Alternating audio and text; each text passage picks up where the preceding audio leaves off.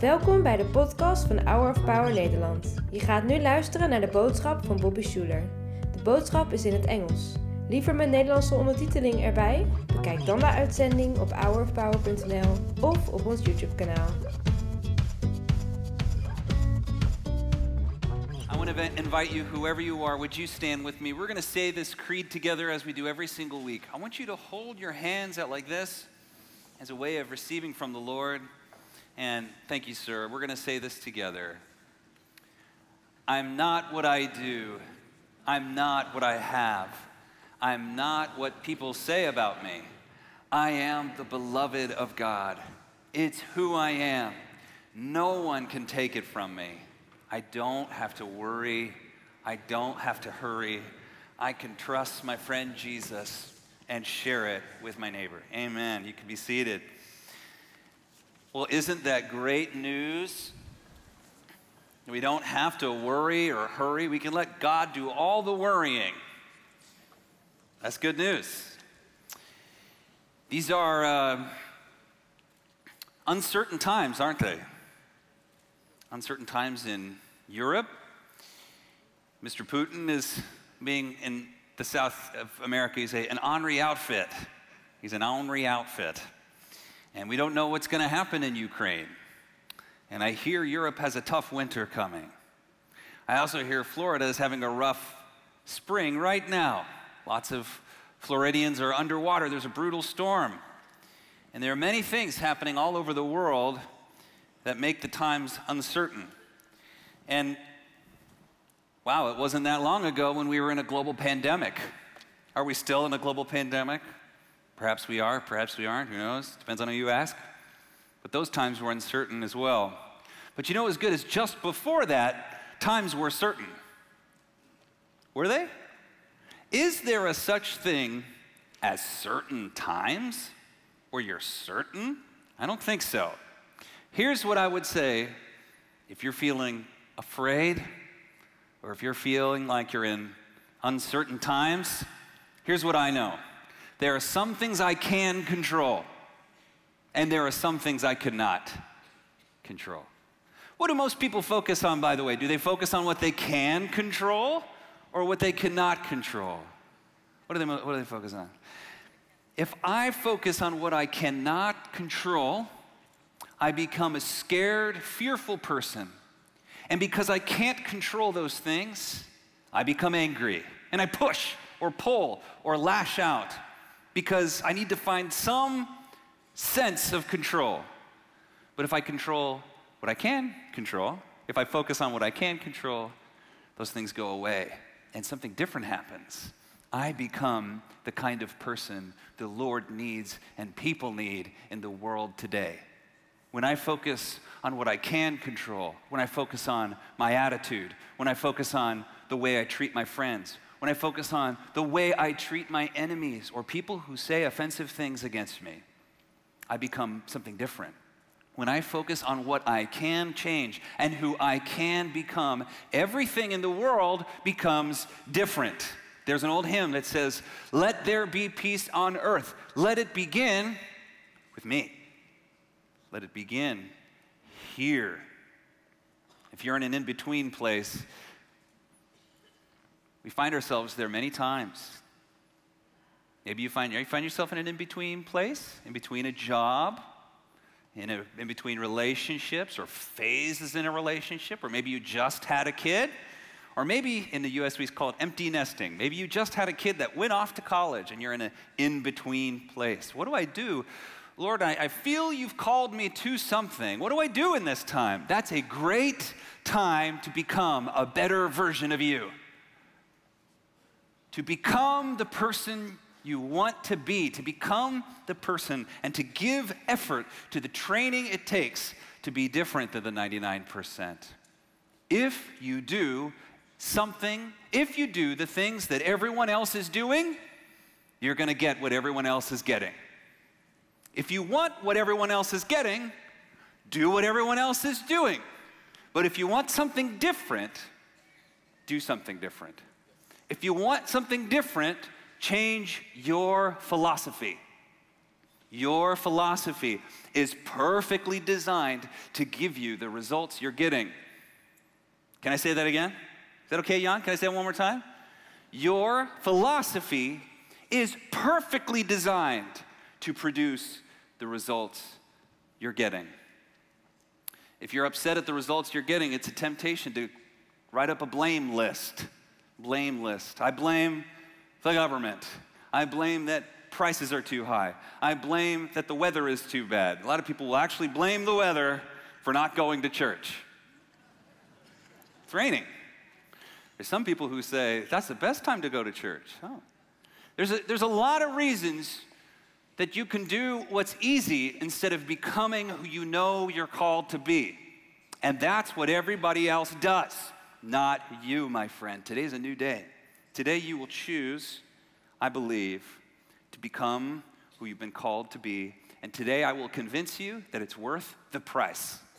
It's worth the price of entry. If you look at your life, what you really want in life, whether you know it or not, is heaven. I know how to get to heaven.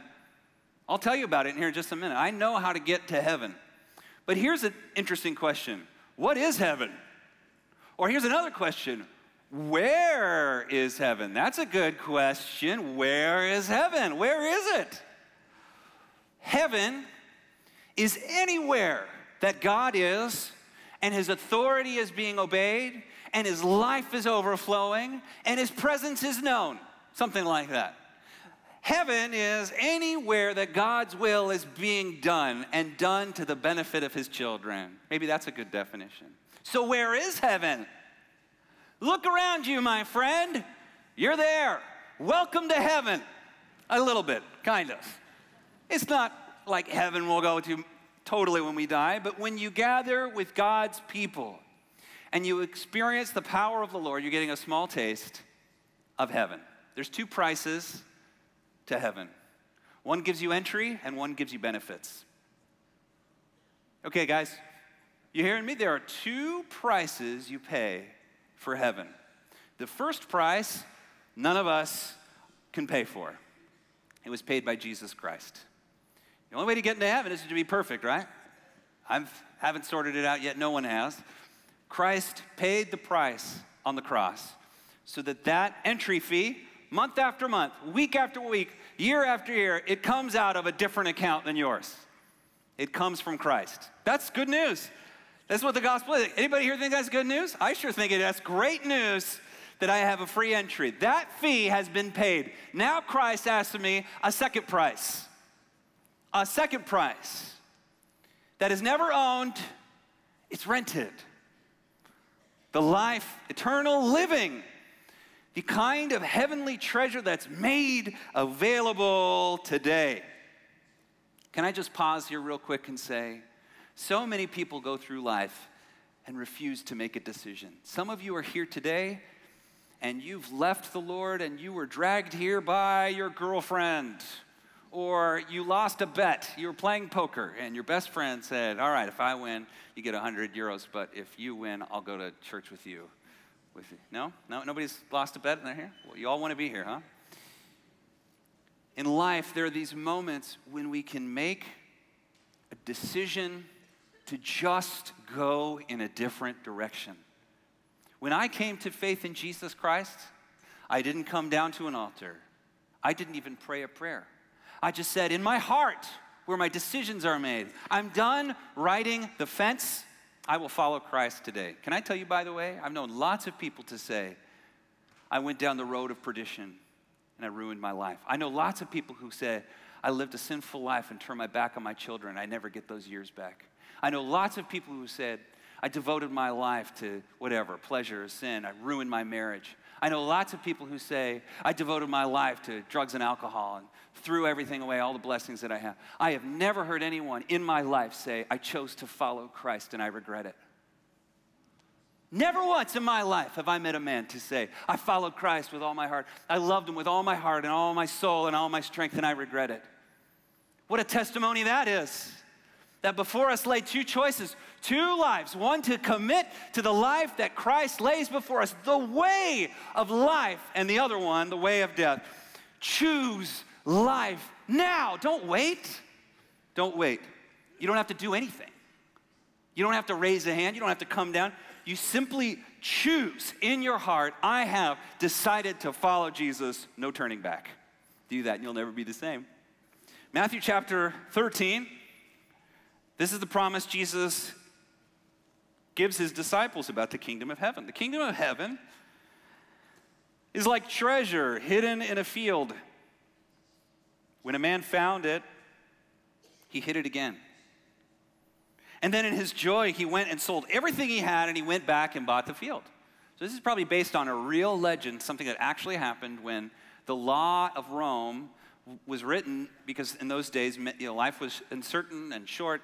Sometimes someone would come into fortune, inherit something, and maybe they go off to war or something. They bury the treasure because it's safer than a bank. But if that person dies or disappears, whoever owns the land owns the gold. Clearly, the landowner didn't know the gold was on his land, and the servant said to himself, If I buy this land, I get this gold. And Jesus says, That's what the kingdom of God is like. It's like inside information. You know, in the United States, you have this thing, it's illegal. It's called insider trading. Right? In the stock market, you're not allowed to do that. Jesus says, You can do that in the kingdom of God. I'll give you some insider trading, and you can do it, and it's not immoral, and it's good. Second part, Jesus says, again, the kingdom of heaven is like a merchant looking for fine pearls. When he found one of great value, he went away and sold everything he had and he bought it. Again, there's another legend of people who searched through the Red Sea or parts of the Indian Ocean to find a pearl. One guy apparently found a pearl and sold it in the Roman Empire for the equivalent of tens of millions of dollars, one pearl. And Jesus says, Life in the kingdom is like that. Just don't quit till you get what you're looking for. Don't quit. So, what is this treasure? What is this pearl or this strong box? What is this thing? This treasure? That's a good question, by the way. If you ask that question, that's good. What is the treasure? The treasure is the kingdom of heaven. How do I get it? Good question. That's a good question. That's the second question. That's great. How do I get it? You become a disciple. Here's an even better question What is a disciple? What is that? Well, a disciple is someone who is trained. Disciple is the root word of discipline. You use this word in universities, whatever subject you're studying is your discipline. It means that you're devoted to learning and developing and training something into your body and mind. There are two prices to be paid in the kingdom of heaven. The first price was paid by Jesus Christ. That's the entry fee. And that is the good news. You have a free membership to the best gym in the world. But the second thing you have to do is go in and pump some iron. Figuratively. Figuratively. There's so many philosophies you can work, in, work on in the scriptures. There's so many, so many great ideas. I could, I could go on hours about not being hurried. I could go on hours about loving your enemies. I could go on hours about writing down goals. But I'm going to give you three that if you do any of these three things from the scripture, your life will never be the same. My time is already up, but I'm going to take 10 more minutes. I'm the pastor, I can do that, right? I'm just going to do it. You guys okay if I give you the three things? Are you good? Three things if you write this down, I promise you, this is a Bobby Schuller guarantee. If you do just one of these changes in your philosophy, you'll never be the same. These are the three things we look at for anybody who wants to work at Hour of Power. We ask, do they have these three qualities? Number one, are they linked? Are you linked in? Do you understand the power of people? The power of people is greater than the power of a person. Are you linked? Have you ever asked the question, Forgive me, this is going to sound condescending, but have you ever asked this question? How do so many dumb people get into power? Now, very often we ask that question rhetorically, but that's a good question. Now ask that question seriously. Seriously, how do so many people that seem kind of dumb have so much power? How? they're linked up. And you may say, well, that's not fair. They were born with a silver spoon in their mouth. Or that's not fair. They leveraged their friendship. Or that's not fair because they, whatever. Friends, are you learning yet? You can either say it's not fair or you can say, I can do that too. I can meet people. I can get to know people. I can find people interesting. I can serve people. I can connect with people. I can get more numbers on my phone. That's a better question to ask. It was said once that dogs are one of the few animals that don't have to pay rent to stay as pets in their homes, right? Cows have to give milk, chickens have to lay eggs, the canaries have to sing, but dogs just get to, they just free room and board. Why? Because dogs love people. They just love people. You come home, that dog is so thrilled. You tell him all about what your sister in law said and how tough your day was, and he'll just sit there and he'll listen to every single word, and he'll love you. He won't judge you. You tell him your deepest, darkest sin. You tell him the most horrible thing you've ever done. He'll just love you, lick your face. He'll, he'll, he'll, your greatest thing. He'll sleep in bed with you, right? The dog. And can we say there are smart dogs and there are dumb dogs, but they all get free rent? because they understand the power. They, they just love people. And you know what? They ought to love people because people are awesome. People are so interesting. In fact, that person that you think is so dumb, that's in leadership. I bet you get to know them and you'll find something really interesting about that person. Dr. James Davis, a new friend of mine, he came out and visited me he called me on the phone. He said, I'd never heard of him before. He said, Hey, I'm going to be in town. I'm a pastor of this group of pastors. I want to get coffee with you. Can I just have 30 minutes of your time? I said, No problem. Sure. Come on up to the office. We sat down. I said, So what brings you in town to Los Angeles? He said, You do. I said, Wait a second. You just flew out here for a 30 minute cup of coffee? He said, That's it. My mind was blown. What a neat trick that is. If he had said, I want to fly out to have a 30 minute cup of coffee, I would have said, Oh, no, I don't want to waste your time. Let's just talk on the phone. Right? But he said, I'm going to be in LA anyway. While I'm there, maybe we could get a cup of coffee. No problem. The man has flown over 10 million miles, 104 times around the globe. He has a gigantic network of pastors and leaders. The guy is building a school on Mount Everest, and it's almost done. You're like, why is there a school on Mount Everest? It's in one of like the little villages. It's not up on the top, but it's up there. Who thinks that this guy did it all by himself? No. Here's something Dr. Schuller taught me your network is your net worth. You can lose everything, but if you've got your friends, you can get it all back. Those who have ears to hear, let them hear. You say, I don't like people. You're probably not around very interesting people then. That sounded mean, didn't it? You say, I don't like to be around some people. Very often I find that people who don't really like being around other people, it's because you just, whatever, talk about the weather and nothing meaningful. But if you find someone that you can have a meaningful conversation with, you'll find the power of a person. The first one is we got to be linked people, we got to be connected. The second thing is we have to understand something about how our DNA and how we're made as people that harm helps us. There's a philosopher named Nicholas Taleb. He's a Lebanese mathematician. And he described this as being anti fragile, that you are anti fragile. God made you this way. Anti fragile means that something benefits from small amounts of harm. So think about it this way when you think of the word fragile, what do you think of? Let's say champagne glasses, right? If you have a bunch of champagne glasses, stay away from the champagne glasses. It's going to crush and cr- crumble or whatever. It's fragile.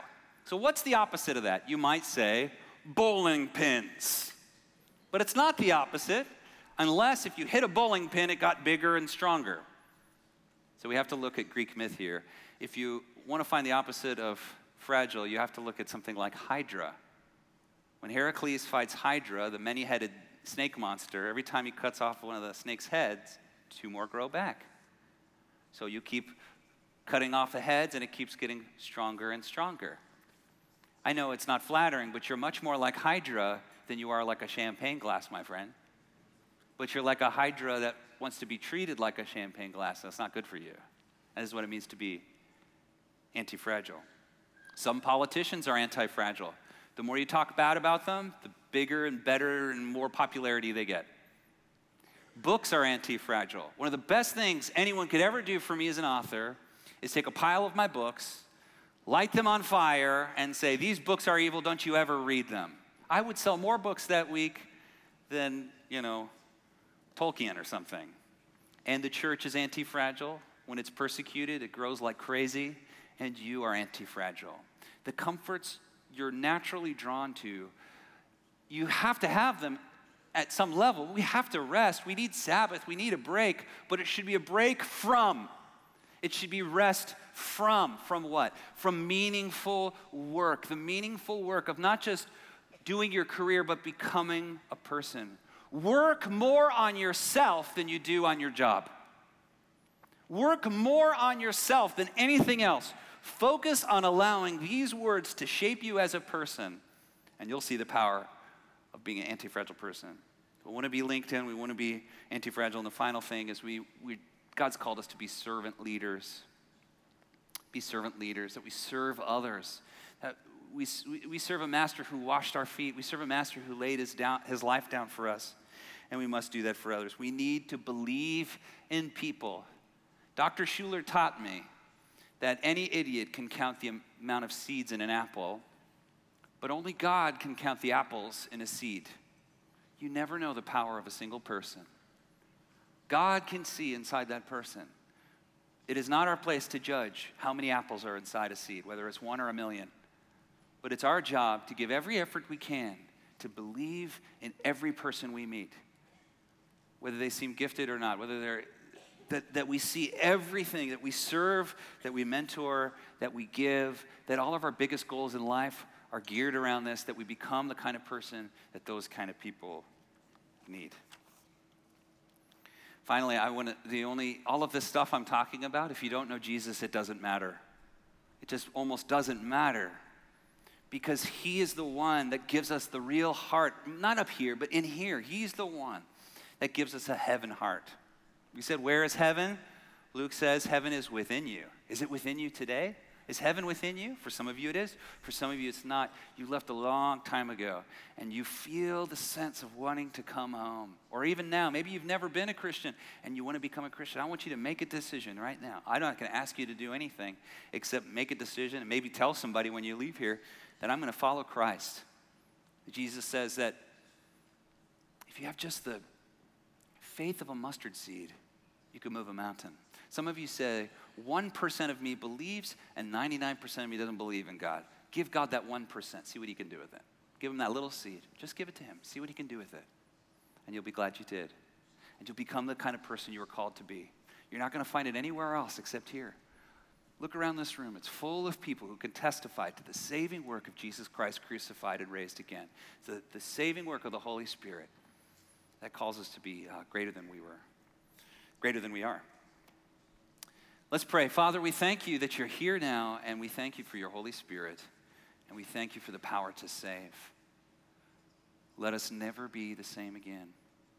We ask in Jesus' name that you would lay before us the kind of person that we're called to be, and that we would turn our back on the easy person, and we would turn our heart on the per- to become the kind of person you called us to be. Lord, we love you and we thank you. It's in Jesus' name we pray. All God's people said, Amen. Thank you very much, everyone. Appreciate you.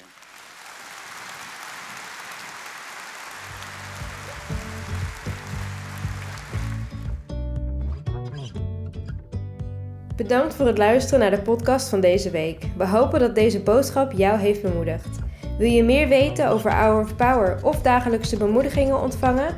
Ga dan naar www.hourofpower.nl.